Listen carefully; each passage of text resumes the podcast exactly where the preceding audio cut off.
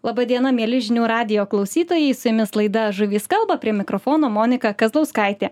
Šiandieną kalbėsime apie trofėjinę žuvis, didelę žuvis. Ateikit arčiau, pasigarsinkit radio imtuvą, telefoną, kompiuterį ar kitą aparatą, per kurį klausot mūsų laidos, nes bus tikrai įdomu. Šiandieną studijoje turiu viešnę, gamtos tyrimo centro mokslininkę Asta Audzijonytę. Sveiki, Asta. Labadiena, Monika. Um, besiruoždama laidai žiūrinėjau įvairius šaltinius, ką Google paieška išmeta suvedus jūsų vardą pavardę ir radau tokį straipsnį, kuriame jūs sakėte, kad nuo mažens svajojote būti mokslininkė, tyrinėti banginius. Lietuvoje banginių neturim, bet pasirinkot biologiją ar ne. Tai kaip tas mokslininko darbas, mokslininko duona, ar viskas taip, kaip įsivaizdavote? Daugiau mažiau tikriausiai taip, nors retai kada tai būna, aišku, kad viskas taip, kaip įsivaizdavau. E, bet visumoje pasakyčiau, kad mokslininko darbas yra labai įdomus. Ir aš dažnai studentams savo sakau, kad e, kiekvieną dieną noriu eiti į darbą. Ir labai nedaug žmonių galbūt taip gyvena ir, ir taip jaučiasi, kad va, kiekvieną dieną kažką gali naujo surasti, kažką gali atlikti, sužinoti galbūt tai, ko niekas dar pasaulyje nesužinojo, tas yra labai įdomu aišku yra daug e, administracinių klausimų daug tokių na galbūt pakartotinų dalykų kuriuos reikia de detaliai analizuoti ir spręsti. Bet visumoje e, mokslininko gyvenimas yra įdomus tuo kad tai yra galbūt net daugiau kaip pašaukimas. Na aš sakyčiau kaip muzikantų gyvenimas ar menininkų gyvenimas. Aš valandų savo darbo neskaičiuoju ir tai yra problema nes aišku kai kada per daug žmonės užsiima darbo ir per na būna per daug persidirbę bet na jeigu darbas įdomus tai tai gerai.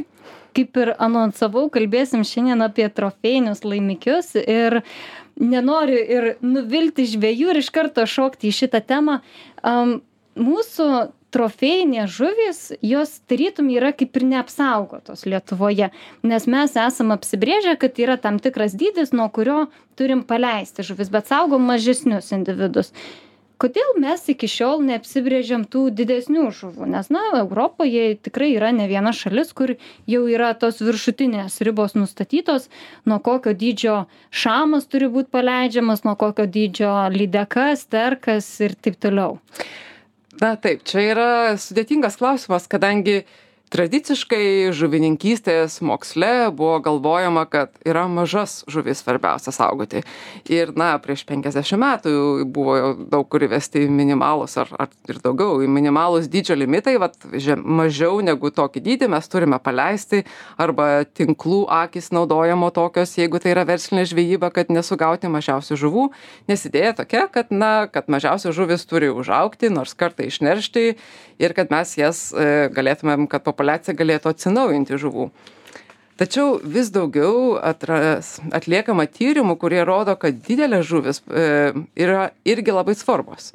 Nes, na, kaip jeigu galvojame apie žmonės, pavyzdžiui, tai ir mums svarbu, kad žmonių visuomenėje būtų visų, ir jaunų, ir vidutinio amžiaus, ir vyresnių, nes jie visi prisideda skirtingai, turi skirtingą patirtį, turi skirtingą indėlį Mm, nežinau ar žuvis lygiai taip pat reikėtų lyginti bet didelės žuvys iš tikrųjų svarbios ekosistemos požiūriu na pirmiausia ypač jeigu tai yra didelės plėšrūnės žuvys. Nes tarkim mažas ešerys jis praktiškai net nėra plėšrūnas tiktai didelis ešerys yra ta tampa plėšrūnu. Ir tada jis jau gali reguliuoti na visą ežero ar e, ekosistemą. Jis gali plėšrūnai yra reikalingi ežeruose ir na ir jūrose žinoma taip pat ir su didelėm lydekom ir su visom kitom plėšrūnėm. Bet apskritai didelės žuvys va vis atsiranda naujų duomenų kad kuo žuvis didesnė tuo jinai daugiau išneša ikrelių pavyzdžiui. Ir ne tik kad proporciškai daugiau bet daug daugiau daugiau negu kad matuotam matuotume tiesiog šiaip pagal svorį. Ta prasme tas ikrelių dydis didėja eksponentiškai tai yra kitas dalykas kas irgi yra vis atrandama kad didelės žuvys neršia ilgiau. Tai yra mažos žuvys tiesiog mažiau turi resursų tai jos e, mažiau laiko gali tiesiog neršti. O va didelės žuvys jos gali turi daugiau ikrelių ir jos šiaip neršia ilgiau. Tai reiškiasi kad tie ikreliai bus paleisti išleisti į aplinką įvairesnėm aplinkos sąlygom. Ir tarkim jeigu viena ten kažkokia savaitė buvo labai nepalanki jų vystymuisi galbūt iš mažų žuvų išnešti ikreliai nepasisekė jiems visi būtent tokiu metu buvo išnešti kai nepalankios sąlygos buvo. O jeigu neršimas vyksta ilgiau tuomet e, yra didesnė tikimybė kad jeigu ir buvo kažkokios nepalankios sąlygos bus ir tokių kurie ir palankiom sąlygom išsi išsiris ir pradės vystytis Mhm. Kitas dalykas, kad didelės žuvis tiesiog turi dažnai daugiau, na, rezervų, jos riebesnės yra, jos, ir jos gali geriau ikrelius aprūpinti maisto medžiagomis. Tas irgi yra pastebėta, kad dažnai didelių žuvų ikreliai yra didesni. Na, čia aš kalbu apie vidurkius. Galbūt kažkas atliko tyrimą apie, tarkim, lydeką tam tikrame ežere ir pamatė, kad taip nėra. E, tai čia vėlgi, jeigu yra kažkokie geri ir konkretūs duomenys tai tuomet gal ir galima žiūrėt. Gal ten vienam ežere kažkas tai taip ir nėra. Bet jeigu žiūrime apskritai į vidurkius kai padaromi tyrimai iš šimtų rūšių skirtingų žuvų toks yra bendras trendas taip tai akivaizdu kad yra per reprodukciją apsprendžiama trofėjinių žuvų vertė ar ne? Esu tikrai girdėjusi tokią nuomonę kad e, didesnių jau tų vadinamų vyresnių žuvų ikreliai nėra tokie vaisingi kaip jaunesnių. Ar čia yra kažkiek tiesos aš irgi esu girdėjus tokią nuomonę ir aš e, klausimas yra kokiom sąlygom jie nėra tarkim vaisingi. Gali būti ir čia reikėtų vėlgi žiūrėti į kažkokį kokiuose čia tyrimuose kur tai yra paskelbta. Gali būti kad pavyzdžiui jeigu yra imami reprodukciniai individai tarkim norima išneršti ikrelius tam kad juos paskui užauginti akvariumo sąlygomis ir paskui vėl paleisti įžuvinimui kad galbūt jeigu labai didelę tą žuvį ištrauki galbūt jinai kažkaip sužeidžiama yra ar kažkaip ir tie ikreliai galbūt nėra tokie vaisingi. Čia sakau reikėtų žiūrėti konkrečiai į tyrimus visumoje bet jeigu mes galvojame apie dauginimąsi gamtoje tai na reikia įvertinti viską ne tik vaisingumą ikrelio bet ir didesnę tikimybę galbūt jo išgyvenimo jeigu jis geriau aprūpintas yra maisto medžiagomis. Tai kai visą paimam tą kartu įvertinam ilgesnį neršimo laikotarpį ilgi daugiau ikrelių išneršta jie geriau aprūpinti ir taip toliau visumoje efektas yra na didesnis didesnių žuvų. Jos daugiau vidutiniškai pagamina ikrelių ir stipresnių kyla daug diskusijų kaipgi tuos dydžius reikėtų nustatyti kažkokios e, metodikos turėtų būti kaip mokslininkams susitarti kad reikia paleisti kaip pavyzdys e, devyniasdešimties centimetrų lydeką o ne aštuoniasdešim penkių centimetrų ar tikrai tie centimetrai čia tokie svarbūs? Na, tai vėlgi yra klausimas ir dėl ko galbūt mes ir neturime dar šito limito, nes vat, kaip konkrečiai reikėtų nustatyti, ar 85, ar 90, ar 80 na aš kaip mokslininkė sakyčiau mums reikia tyrimų ir reikėtų pasižiūrėti. Galbūt reikėtų pavyzdžiui nuspręsti kad jeigu natūraliai populiacijoje dešim procentų individų pasiekia ten tarkim aštuoniasdešim centimetrų dydį tai bent paliekam tuos viršutinius na dešim procentų individų arba kažkiek.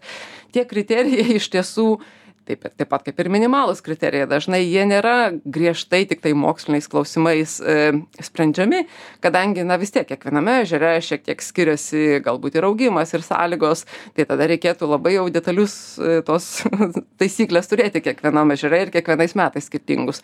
Jie yra priimami na bendru susitarimu jau geriau galbūt turėti aštuoniasdešim negu nieko ar ne? Tai tiesiog nuspręsti kas yra priimtina kas yra tei kas ir ką galime sukontroliuoti Mhm. Ir žvėjai sako, kad mūsų žvejybos, žvėjų mėgėjų taisyklės, jos paveldėtos iš sovietų okupacijos laikų, jos nėra, na, kad ir keičiamos dažnai, bet ta esmių esmė jinai liko tokia pati kaip ir prieš 30-40 metų. Jei jūs turite daug tarptautinės patirties, kaip kitos šalis tvarkosi būtent su tais trofėjais? Na, mano galbūt patirtis daugiau yra iš Australijos apie taisyklės visumoje ir e, vėlgi bet bet kuriose šalyse kur yra na daug mėgėjiškos žvejybos įvesti di maksimalaus didžiausio dydžio ribojimus nėra lengva nes natūralu kad žvejams yra na įdomu ir norisi pagauti didelę žuvį. Ir na čia tiesiog šiaip senis ir jūra va hemingvėjus rašė apie tai kaip mas žmogus sugavo didelę žuvį. Tai yra toks kaip instinktas ar ne vat noriu pagauti pačią didžiausią.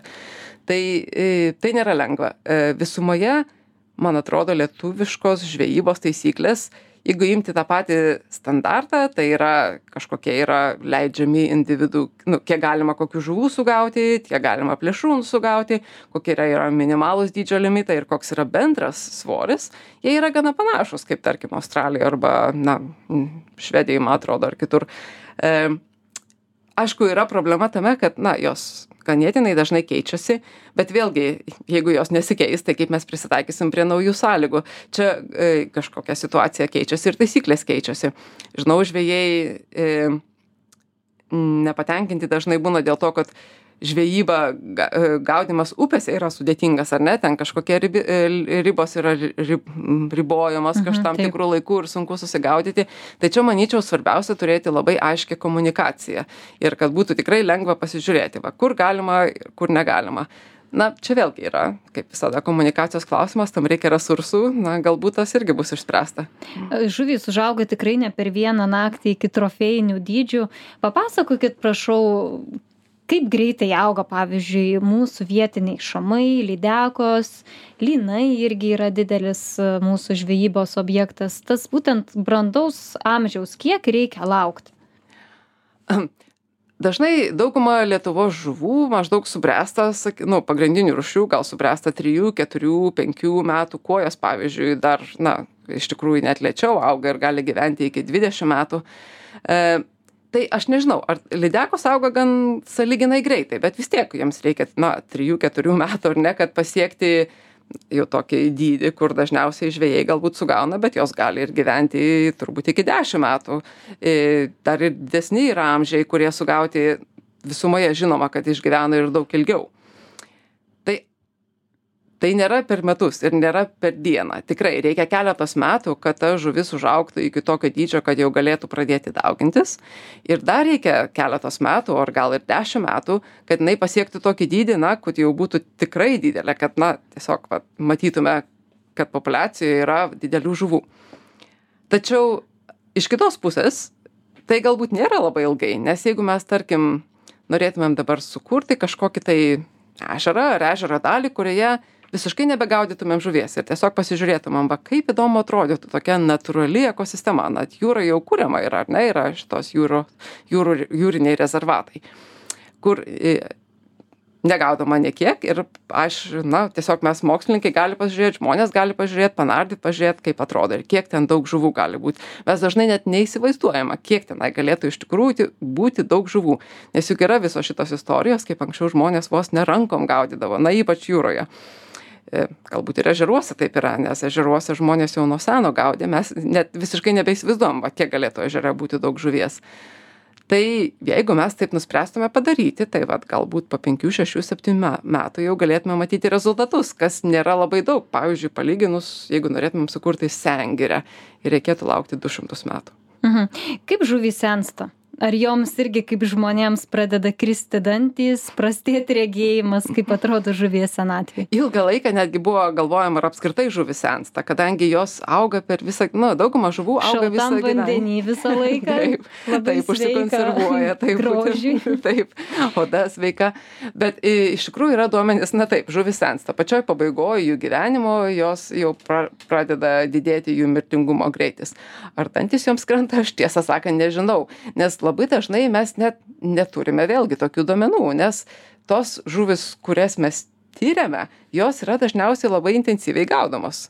Tai mes ir net nesam nebe ne neturime senelių. Taip taip neturim senukų jau na mhm. tiesiog nėra populiacijos ir labai sunku sužinoti iš tikrųjų. Yra aišku žuvys kurios nėra gaudomos e, na yra kai kurios kurios na visai neįdomios aš nežinau aukšlės ar dar kas nors galbūt jos negaudomos bet jos dažnai ir trumpai gyvena tai tiesiog vėlgi sunku pasakyti. Na Jo. Ir kaip yra su vandenimis, pavyzdžiui, turim Kauno Marių pavyzdį, kur verslinė žvejyba nebevykdoma, buvo skelbti tyrimai, kad biomasė padidėjo keturis kartus. Tai jūs e, papasakokit, kaip keičiasi e, vandens ekosistema, kai patraukiame tinklus. Kauno Marius yra ypatingai įdomus pavyzdys, aišku, dabar ir ežeruose verslinė žvejyba daug kur nebevykdoma, apart e, selevų, na, stintelių žvejyba. E, tai kauno marios ypatingai įdomus pavyzdys kadangi na va taip buvo buvo verslinė žvejyba jinai buvo nutraukta ir dabar biomasė padidėjo. Bet klausimas kurių žuvų biomasė? Mes čia neseniai atlikom per paskutinius kelis metus atlikinėjome daug tyrimų kauno mariose ir galbūt netgi tie kas dažnai eina į kauno marias žvejoti netgi e, buvo apklausti mūsų mūsų darbuotojų kurie ten vos ne kiekvieną savaitgalį vaikščiodavo ir skaičiuodavo matuodavo klausdavo žvejų ką jie pagavo. Nes ma tiesiog mes visiškai dar neturime jokios informacijos apie tai. Mes žinom kiek buvo sugaunama verslinės žvejybos na bent jau oficialiai kas buvo rašoma bet visiškai neįsivaizduojam na kiek kiek žvejai pagauna kiek mėgėjiška žvejyba pagauna. Ir kas nustebino iš tikrųjų tai kad e, tokiom žuvim kaip kuojos pavyzdžiui ar plakis kurių na mėgėjiška žvejyba nelabai daug sugauna ir jų iš tikrųjų retai matome žvejų laimikiuose jie greitai atsistatė po verslinės žvejybos už uždraudimo ir ypač kuojos aišku buvo jų daug sugaunama verslinėje žvejyboje jų skaičius labai padidėjo. O vat žuvų kurios yra populiarios tarp mėgėjiškos žvejybos ešeriai arba starkiai ypač ešeriai jų kiekis nelabai iš tikrųjų gausumas kiekis nelabai ir pasis pasikeitė kadangi darome reguliarūs moksliniai tyrimai vos ne du kartus per metus du ar tris kartus per metus daroma tyrimus ir matome kad na iš tikrųjų nedaug keičiasi ešerių pavyzdžiui kiekis. Ir tai nenuostabu nes kai mes pasižiūrėjome kiek yra žvejojama ir kiek sugauna mėgėjiška žvejyba tai iš tikrųjų jie sugauna daug daugiau negu verslinė žvejyba buvo sugauda sugaudavo anksčiau būtent ešerių kuojų pavyzdžiui tai mė mėgėjai beveik visiškai nesugauna palyginus. Tai čia šiuo atveju verslinė žvejyba didelę įtaką turėjo. Aš nesakau kad verslinė žvejyba na yra reikalinga būtinai ir kad ją reikia daryt na tai yra mūsų kaip ir visuomenės sprendimas. Tai yra socialinis klausimas ar ne? Kas kaip mes pasidalinsime tarp žu tą žuvį ir tuos resursus e, gal galų dalį paliksime pačiai gamtai pačiom žuvim o kaip tą dalį kurią mes norime na pasiimti sau kaip visuomenė kaip mes ją dalinsim tarp verslinės arba tarp mėgėjiškos žvejybos. E, sakau tai reikia tiesiog sociališkai ir politiškai išspręsti šitą Mhm. klausimą. Bet tai jeigu mes pasakome kad mėgėjiška žvejyba na yra gan intensyvi ir sugauna nemažai žuvies tai tikrai nereiškia kad na reikėtų e, paleisti ir verslinę žvejybą nes tada kaip tik rodo kad tai turbūt būtų dar daugiau sugaunama taip tai žvejai mėgėjai irgi pasiima tos žuvies ar ne kaip ir kalbėjom ima galbūt tas per dideles žuvis ar ne namo. Ir vėlgi tai jau turėtų įsijungti kažkokie mechanizmai kurie prad pa šiek tiek ir jų apetitą pažabotų.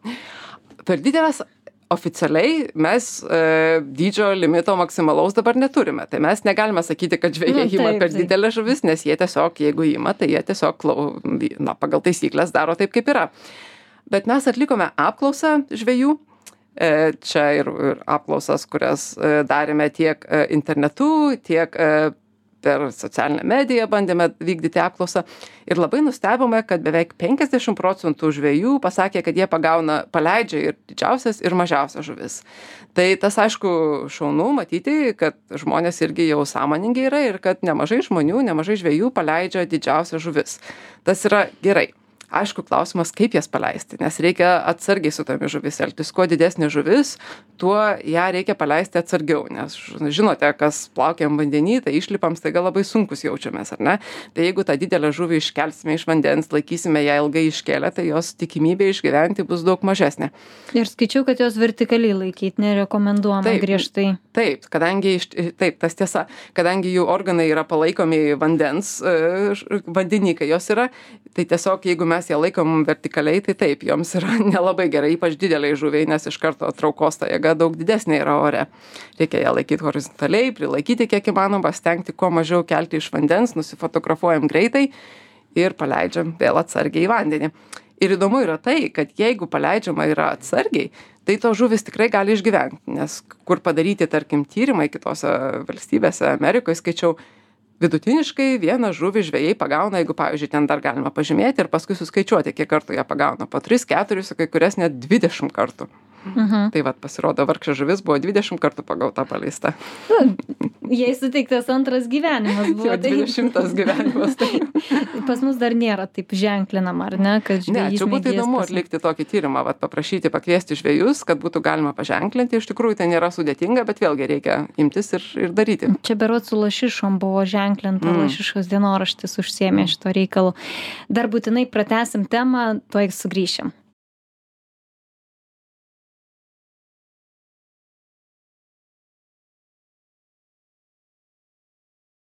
Sveiki sugrįžę į laidą Žuvys kalba, prie mikrofono Monika Kazlauskaitė. Toliau kalbinu Gamtos tyrimų centro mokslininkę Asta Audzijonytę, kalbame apie trofėjinės žuvis ir kalbėjome prieš tai apie kauno marių pavyzdį. Man įdomu šiek tiek apie ežerus pakalbėti nes turiu tokią įdomią citatą kuri atskriejo iš seimo tribūnos.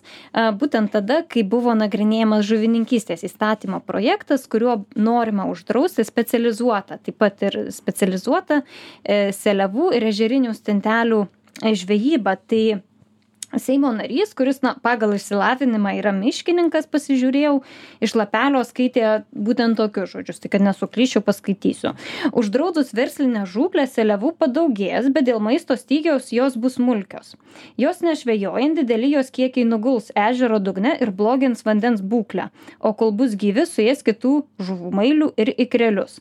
Tas pats pasakyta ir apie ežerines stinteles tai kiek yra logikos šituose žodžiuose nes na ežerai puikiai funkcionavo ir iki mūsų žmo kaip sakau beždžionės išlipimo iš medžio.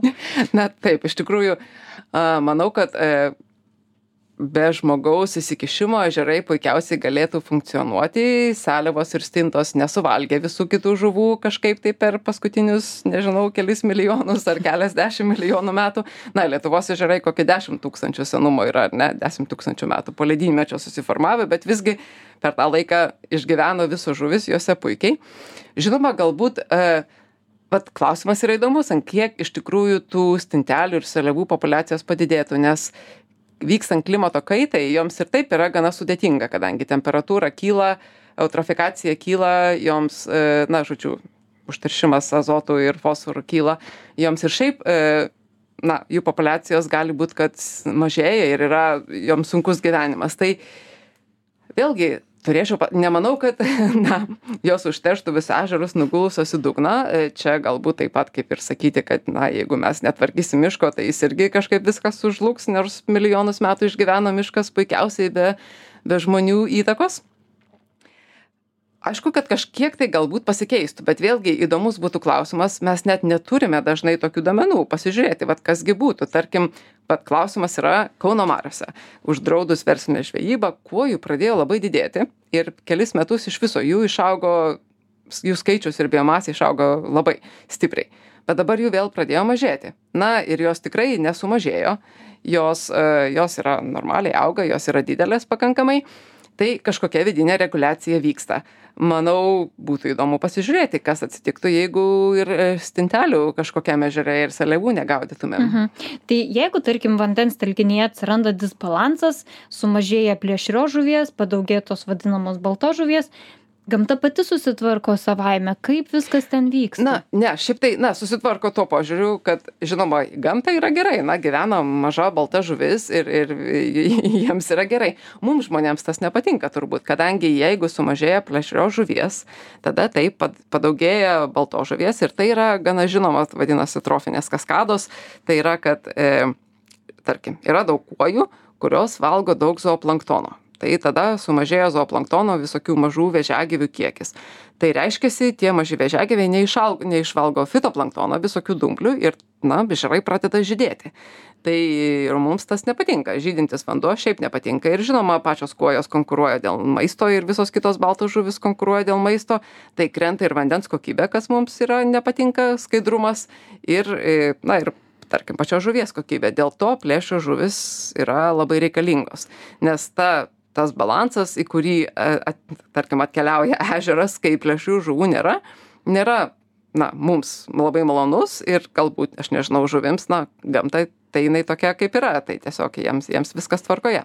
Tai va dėl to tai yra reikalinga. Ir švedijoj tarkim netgi yra daug vykdyta tokių ežerų atkūrimo projektų kai tiesiog bandoma buvo išgaudyti ta baltoji žuvis ir prileidžiama plėšrių žuvų bandoma didinti tą santykį plėšrios žuvies su su na vadinama balta žuvim. Mhm. Dievaži esu girdėjus tokią mokslininkų nuomonę kad jeigu tarkime saugosim trofėjines žuvis tai ten atrodo jos pačios viena kitas pradės valgyti ir žodžiu šamai suvalgys lydekas lydekos suvalgys sterkus. Nu aš čia šaržuoju aišku bet iš esmės yra tas skepsis toksai iš mokslininkų irgi bendruomenės kad na jeigu saugosim trofėjinius laimikius tai jie išvalys vandens telkinius. Tai kaip Jūs galvojate? Aš manau, kad gal čia nebūtinai mokslininkų bendruomenė, visi, na, mokslininkai yra irgi žmonės, kiekvienas turbūt turi savo nuomonę ir vien, pasakyti, bendrai mokslininkų bendruomenė tokia turbūt neegzistuoja. Kiekvienas e, remiasi savo kažkokią galbūt patirtimi.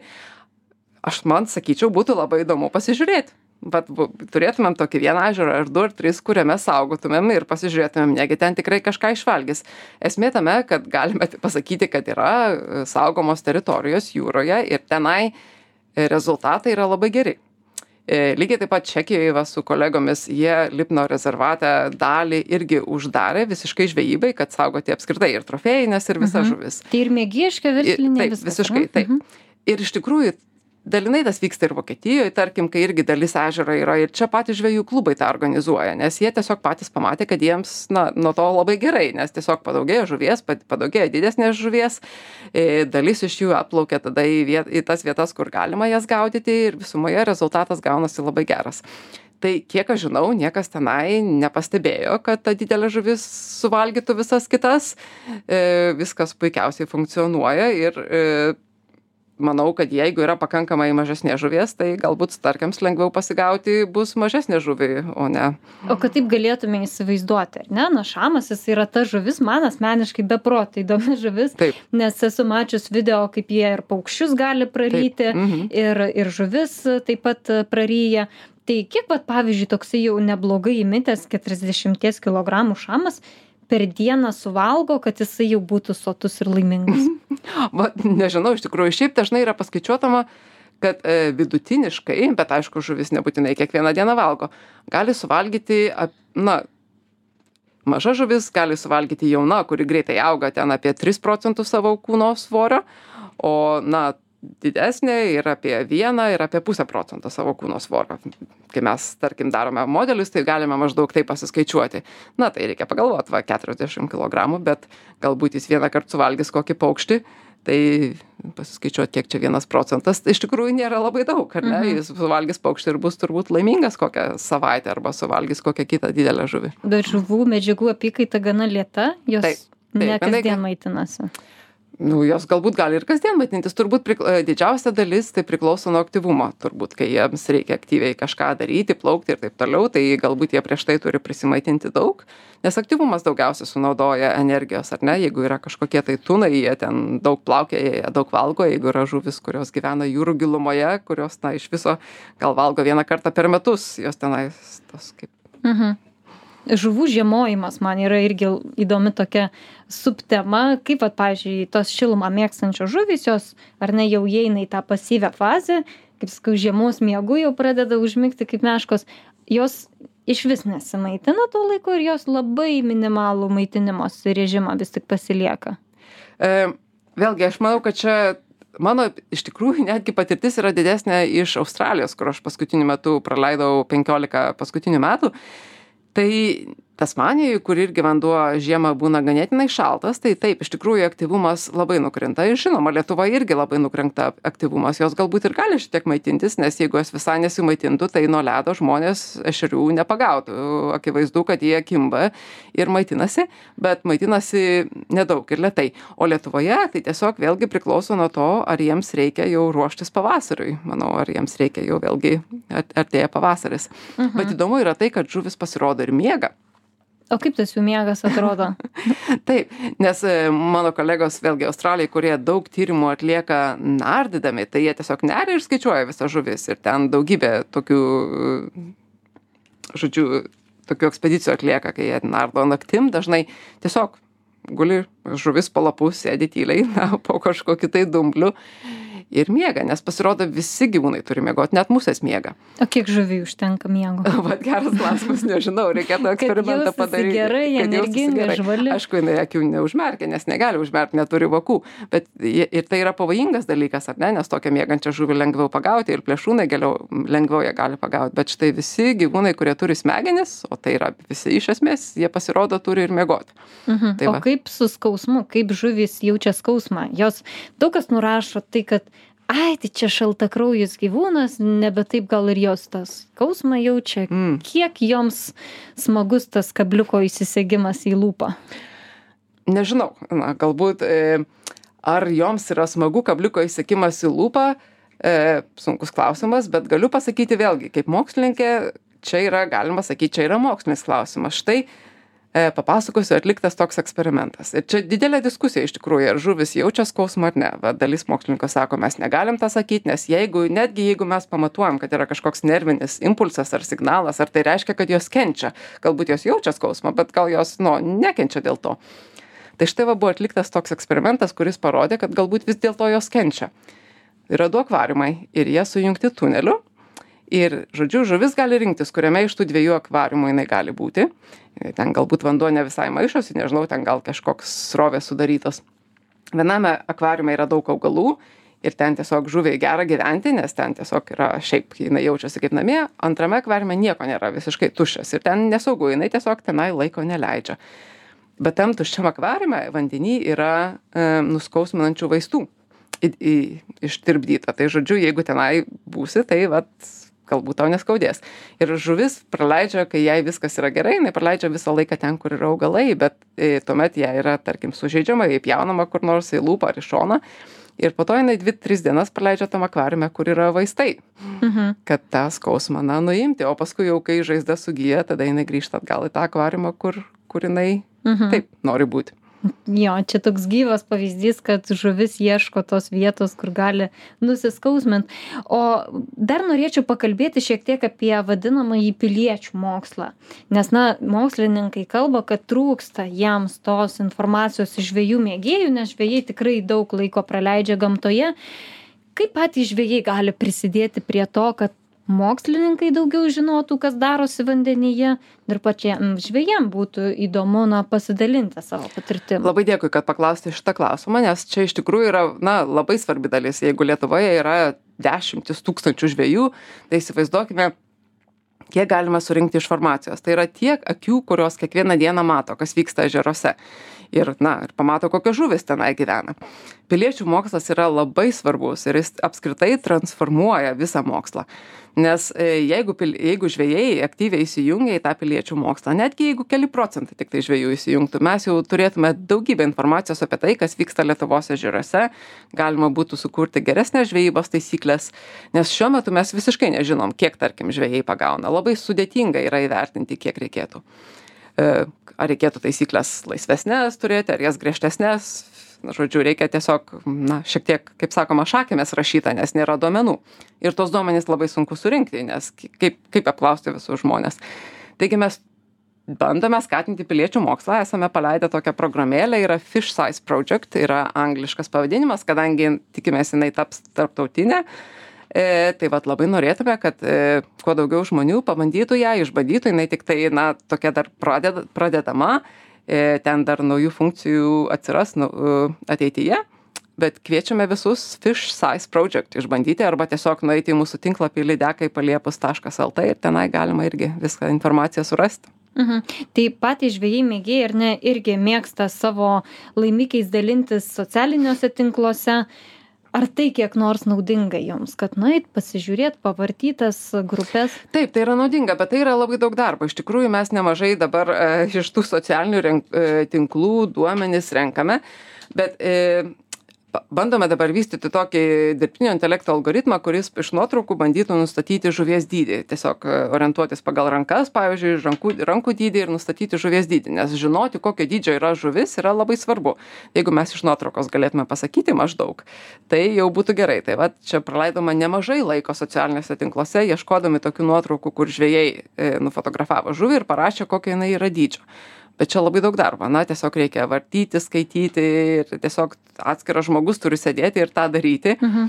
ir be to na ta informacija iš socialinių tinklų jinai yra na tokia nesisteminta. Vienas rašo tą kitas rašo tą. Taip taip, taip. ir tiesiog labai sunku ją apibendrinti taip. Ir anksčiau lygtais esu viena ausim girdėjusi kad buvo toksai lietuvos trofėjinių žuvų registras ar ne lietuvos medžiotojų ir žvejų draugija tuo užsiėmė jei neklystu ar tas registras dar egzistuoja na mes turime tuos senus duomenis jie yra iš tikrųjų įdomūs ir čia vyko netgi didžuvės konkursas mūsų gamta skelbė ir vykdė irgi tuos senus duomenis turime.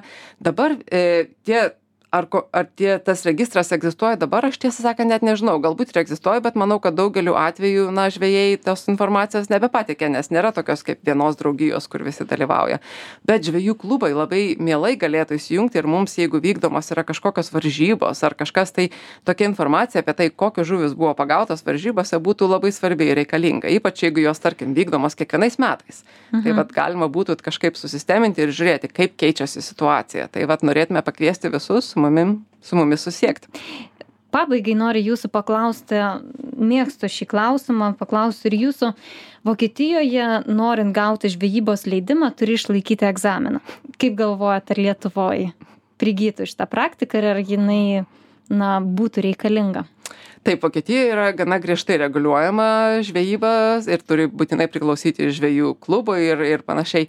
Na nežinau iš tikrųjų manau kad nebūsiu labai populiari tarp žvejų jeigu pasakysiu dabar reikėtų visiems išlaikyti egzaminą. Bet mes čia galbūt nesiekiam būt populiarūs. Mes siekiam būt teisingi. Na taip. Bet aš manau kad tiesiog pagalvoti apie tai kad e, jeigu tarkime einame medžioti mes irgi turime kažkokias taisykles ar ne kažkokį egzaminą išlaikyti na tiesiog dėl to kad ne šautuvą turime. egzaminą ten ir iš policijos pažymą ir iš psichiatro ir taip na jo na čia galbūt dėl to kad šautuvas yra šiek tiek pavojingesnis. Bet vis tiek na paukščiai žinduoliai žuvys na tai juk yra mūsų visų kaip sakyčiau resursas ar tiesiog gyvybė kuri egzistuoja. Tai vat klausimas ar mes galime visi ja džiaugtis ir ir kas nusprendžia kiek jų galima paimti Mhm. Ačiū labai, Asta, kad atėjot pas mus į studiją, pasidalijot savo žiniom, labai įdomu jūsų klausytis.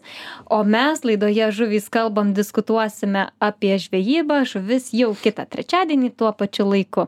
Noriu priminti, kad kalbėjausi su Gamtos tyrimų centro mokslininkė Asta Audzijonytė ir prie mikrofono buvau aš, Monika Kazlauskaitė. Iki kitų kartų.